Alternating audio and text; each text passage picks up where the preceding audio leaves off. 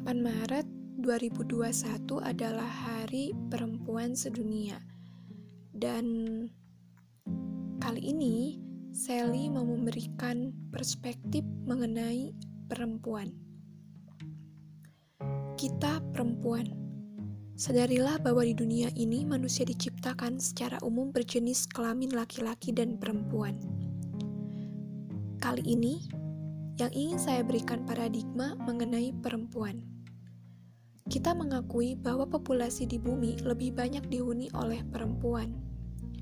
Tanpa adanya sosok perempuan, generasi dari tahun ke tahun tidak akan beranak pinak. Perlu kita renungkan juga bahwa dari mana kita lahir. Jawabannya tentu dari rahim perempuan.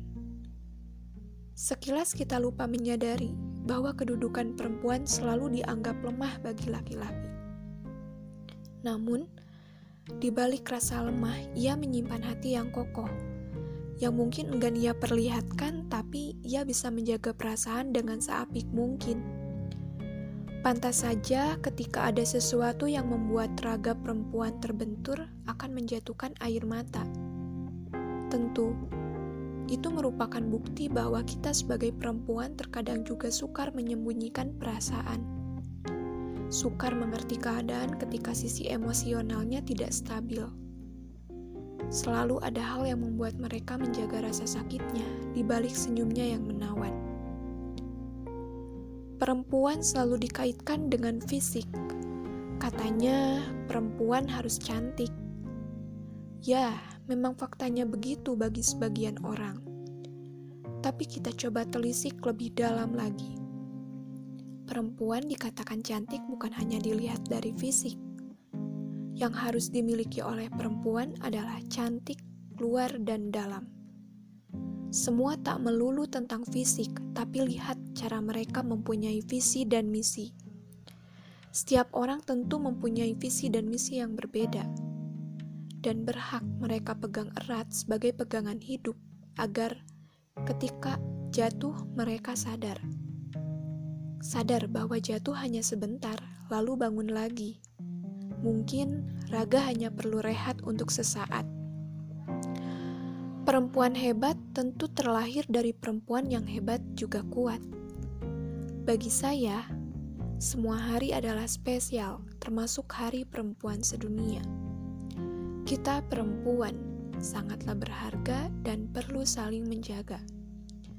Kita mesti bangga terlahir perempuan karena Tuhan menitipkan rahim di dalam diri kita untuk melahirkan generasi dari waktu ke waktu yang akan hadir dalam sejarah hidup kita. Percayalah bahwa perempuan mempunyai pengaruh besar di dunia. Dan sebelum saya tutup, saya ingin memberikan dulu rekomendasi buku mengenai uh, biografi wanita yang berpengaruh di dunia. Judulnya Inspiration for Women. Jadi di dalam buku ini isinya adalah rahasia kesuksesan para pendekar wanita dunia. Ditulis oleh Robert Junaidi. Nah ini nih, saya bacain ya sinopsisnya.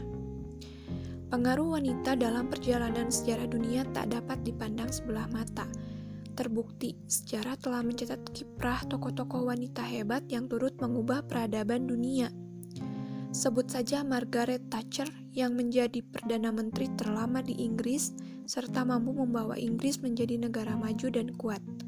Atau Oprah Winfrey yang berhasil bangkit dari kemiskinan dan trauma pelecehan seksual masa kecil menjadi wanita yang masuk dalam daftar orang terkaya di dunia.